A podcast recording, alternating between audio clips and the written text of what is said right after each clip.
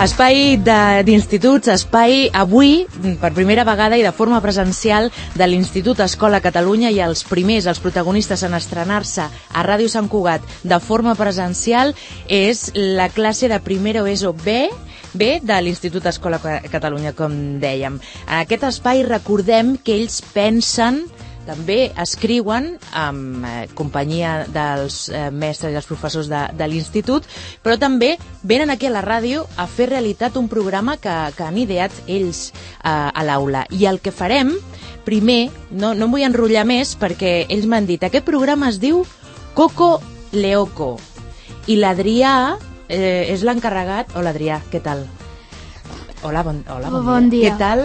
I Perdó. per què això es diu Coco Leoco, aquest programa? Doncs mira, Jessica, eh, a música estem fent una cançó, per dir-ho així, que després hem de tocar, i doncs, bueno, eh, que es diu Coco Leoco, llavors le, no se'm- no se'm va ocorrir una altra cosa, llavors ho vaig posar així. Doncs donem pas al primer programa de Coco Leoco de l'Institut Escola Catalunya. Endavant amb les notícies.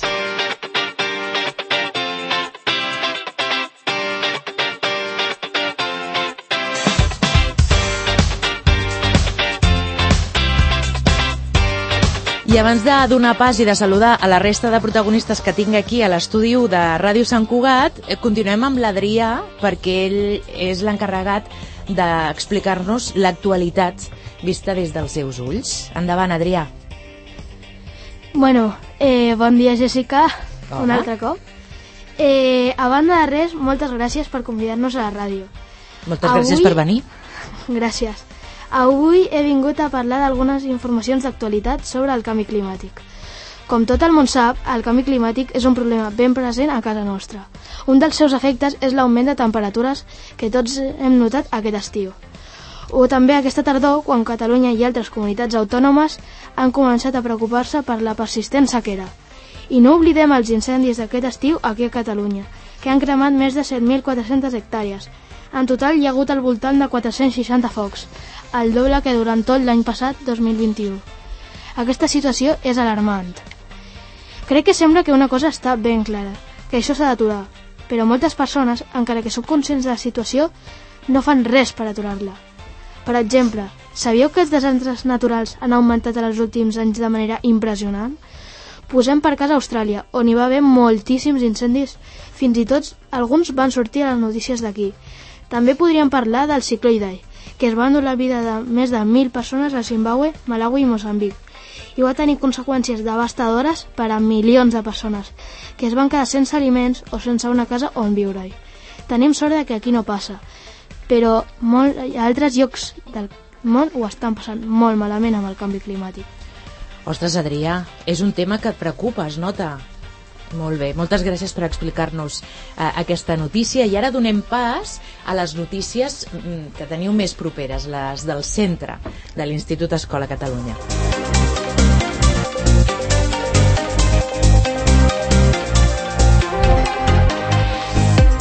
Adrià, tu també ets l'encarregat d'apropar-nos a aquestes notícies. Endavant. Doncs sí, Jessica. A veure, per començar volia explicar-vos que el passat dimarts 21 de febrer vam celebrar la jornada de portes obertes al Catalunya i va estar molt bé.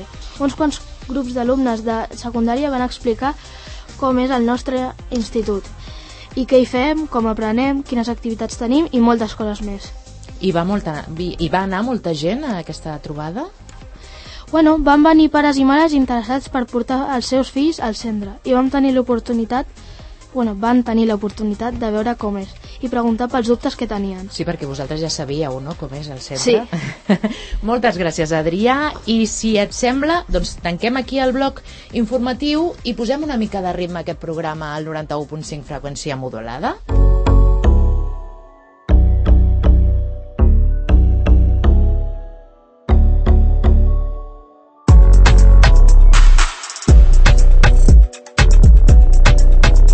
I ara és moment de posar ritme amb el Gael. Tu ets el DJ del programa aviam, que no, Coco Leoco, que no, que Sí, no, sí, sí, que no ho digui malament. Endavant, Gael. Hola Jessica, per triar els temes d'aquest programa, fa uns dies vam fer una enquesta als grups A i B de primer ESO i vam preguntar quina era la seva cançó preferida i el seu artista o grup. Una de les cançons més votades va ser Sin Frenos, que l'any passat es va fer molt famosa, així que en primer lloc escoltarem aquest tall de l'Adio Carriol i Duki.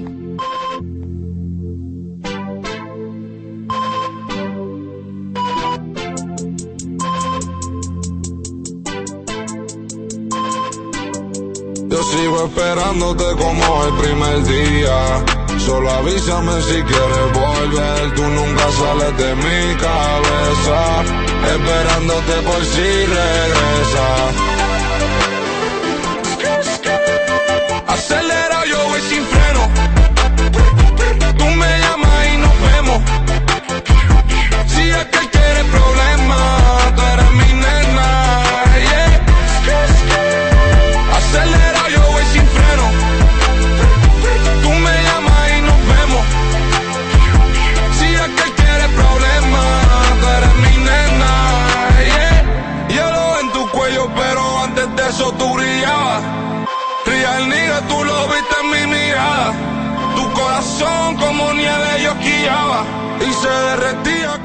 més temes ens has preparat. Sí, la segona cançó és la sessió 48 de Tiago PCK i Bizarrap, una cançó on parla d'un amor ideal.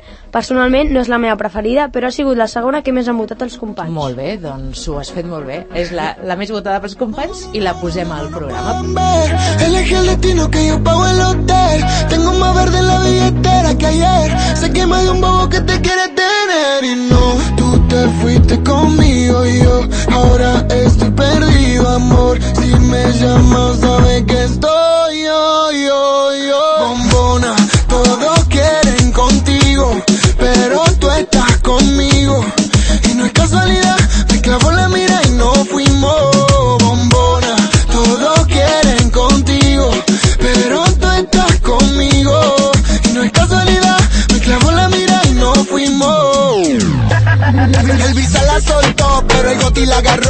agarró. Ya la Gael, preparat? Anem a la tercera. I anem a la tercera, exacte. Givenchy de Duki. És de l'any passat i es va fer bastant famosa, ja que aquest cantant també ho era.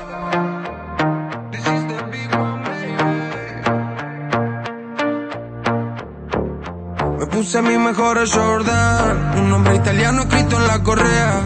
Los diamantes brillan con la combi nueva y me sube la nota cuando la canción suena. Te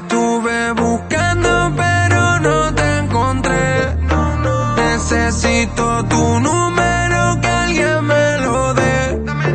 Es que quiero enseñarte un par de cosas que sé. Dame tu location pa' caer de una vez. I hem tastat les tres primeres músiques que ens has portat. Gael, i ara la última. Exacte. La quarta i última és un tema de l'últim àlbum d'aquest cantant, tan famós actualment que es diu Quevedo, Donde quiero estar. cuando sube.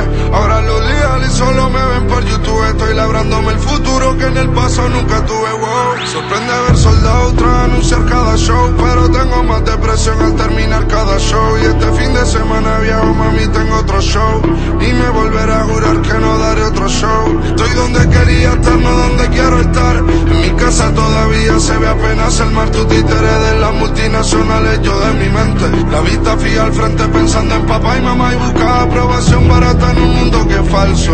La fama dura dos días y deja secuela. No da tiempo a comer más en casa de la abuela. Habrá lecciones donde lo que deje atrás duela. Así que si no estás del día uno, chúpamela. Pa' mí solo hay una baby, no va a haber otro hasta el día en que me mate no muera. Estamos todas huyendo por la carretera. Gritan al ver mi cara en la cartelera.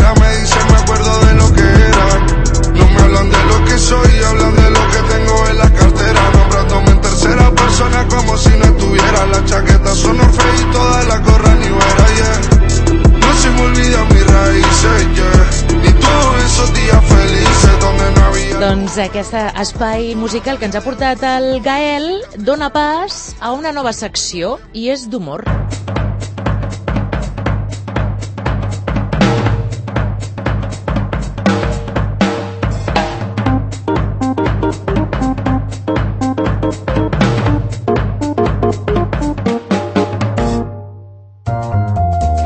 I ja tinc ganes de, de començar aquesta estona d'humor que ens han preparat els alumnes de primer B amb dues anècdotes divertides viscudes a classe i que ens explicaran aquesta setmana l'Alexandro i l'Eric. Què tal? Com esteu? Bé, Alexandro, endavant. Hola, bon dia. Avui us explicaré una de les dues anècdotes que tenim pre preparades. Tothom sap on és Dubai, veritat? Per si no ho sabíeu, és la ciutat més important econòmicament i la més poblada dels Emirats Arabs Units. És un lloc ple de luxe i grata... I grat... Gratacels. Grat, de gratacels. La gent, la gent que la visita normalment aprofita per anar a menjar a restaurants molt cars i exclusius o anar de compres a un altres tres centres comercials enormes. Però unes de les nostres companyes en canvi, van preferir anar a un McDonald's, quan haurien pogut anar a un altre lloc més original. Déu-n'hi-do perquè, bé, perquè bé, McDonald's en tenim a tot arreu avui en dia, Alexandro, molt bé. Moltes gràcies. I Eric, què ens expliques? Quina anècdota ens vols portar? Fa uns mesos vam anar d'excursió al turó de Can Mates i vam parar per esmorzar a un parc. Vam estar allà una estona i a causa de l'avorriment un company va reptar un altre a ficar-se un gronxador per a nens petits. Un, un cop encaixat es va donar que no podia sortir i vam haver de cridar molta gent, fins i tot professors. Al final va poder sortir, però va ser molt graciós. Home, sí, eh, això seria notícia. Eh, alumne de l'Institut Escola Catalunya que s'ha quedat encaixat a un gronxador. Això seria notícia. No seríeu algú de vosaltres, no?, d'aquesta taula? Després ja, ja em direu, em direu qui, qui, qui té les senyals del, del cul, eh? Això, això ha de fer mal. Doncs moltes gràcies, Eric i Alexandro, per portar-nos aquest espai, aquest moment d'humor. I ara continuem amb un altre espai en aquest programa de l'Institut Escola. Ara és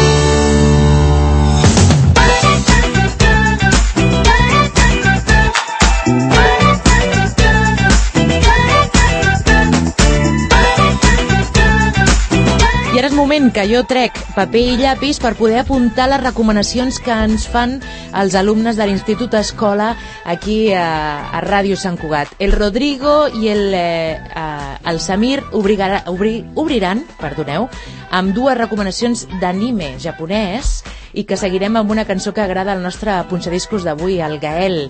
Aquesta sí que t'agrada, eh, Gael? I acabarem amb la Bea, que ens explicarà que els agradaria ser quan sigui gran. Roy, Endavant!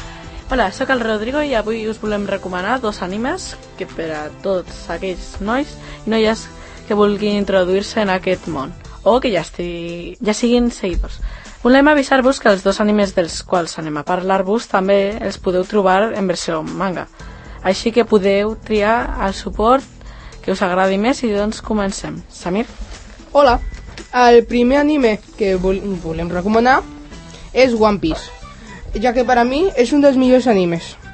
És un shonen, és a dir, un anime que va dirigit als nois adolescents, amb grans dosis d'acció, on sovint es donen situacions humorístiques. Encara que sigui molt conegut, la majoria de gent no se'l comença perquè és molt llarg, i potser els primers episodis poden ser una mica passats, però quan t'enganxes ja no pots parar. Té una molt bona història, que es desenvolupa a través de l'aventura, i té un molt bon desenvolupament de personatges que també es desenvolupen a la història. One Piece és la història del nostre protagonista, Luffy, un jove pirata que té un somni, vol ser rei dels pirates. I ell, junt amb la seva tripulació, lluiten i viatgen per tot el món per trobar el One Piece, un tresor que va deixar l'anterior rei dels pirates fa més de 20 anys quan va morir. Només qui el trobi podrà ser el pròxim rei dels pirates. Durant l'aventura, veurem que Luffy no, vol, no només vol ser el rei dels pirates, sinó que vol alguna cosa més. Un anime d'acció, exploració i emoció, un anime que per mi ho té tot. Molt bé, endavant, Roy. Uh, altre anime que, que ens vols recomanar? El segon anime que volem recomanar-vos és JoJo's, un altre shonen amb una bona història dividida en parts. Animades només hi ha 6 parts, però en manga n'hi ha 8 publicades. És important que, que seguim l'ordre cronològic de les parts. Si comences per qualsevol part sense seguir l'ordre, pot ser que no entenguis del tot la història. Cada part està protagonitzada per un personatge diferent i allò que els lliga és que tots són membres de la mateixa família. Els Jostars, un llinatge familiar una mica peculiar. A la primera part, el protagonista, el protagonista és Jonathan Jostar, també conegut com a Jojo. Ell és un noi anglès d'una família molt rica. Un dia, per un deute del seu pare, George Jostar arriba a casa un noi anglès de classe baixa el Gio Brando, un noi de la mateixa edat que Jojo, així comença la història. Després la cosa millora moltíssim. Mm, vale, no us demanaré que m'expliqueu més perquè si no ja m'expliqueu la història i no, no valdrà la pena llegir-vos. Moltes gràcies per fer-nos aquestes recomanacions que jo ja he apuntat perquè, i sobretot aquest tipus de, de, de manga que és per, per adolescents. Un altre dia em portareu altres, altres recomanacions. I ara donem pas al Gael perquè ens farà una recomanació musical. Sí, jo us recomano la cançó After Party de Don d'Oliver, ja que és una de les meves preferides. Us he de dir que m'ha costat molt escollir-la, perquè en tenia moltes d'altres, però al final he triat aquesta perquè és una que fa molt poc he conegut. Molt bé, el, el, el teu espai musical el que has fet és fer una votació i aquesta ara sí, sí. ens apuntem a aquest, a aquest tema per escoltar-lo més tard. I continuem amb la Bea, que ens parlarà de què els agradaria ser de grans als alumnes del Catalunya i què els hauria agradat ser els seus professors. Mm, molt interessant aquesta, aquest espai. Què tal, Bea? Bé, vull parlar de les feines que volen tindre els alumnes de cinquè de primària i les que volien fer els professors que, quan tenien la nostra edat. Els alumnes de cinquè de primària volen ser fotògraf, arquitectes, actors, actrius i també volen treballar fent màrqueting. Molta varietat, vaja. Entre els professors la cosa és una mica diferent. Un dels nostres professors vol, volia ser metge oculista i ara és professor de català. Un dels altres professors volia ser a treballar amb els animals i ara és professor d'anglès. Molta varietat d'oficis. Molta varietat. Doncs moltes gràcies, Bea, i ja hem acabat. Adrià, Gael, Alexandru, Eric, Roy, Samir i Bea. Doncs bé, moltes gràcies i fins la propera. Adeu. Adeu. Adeu.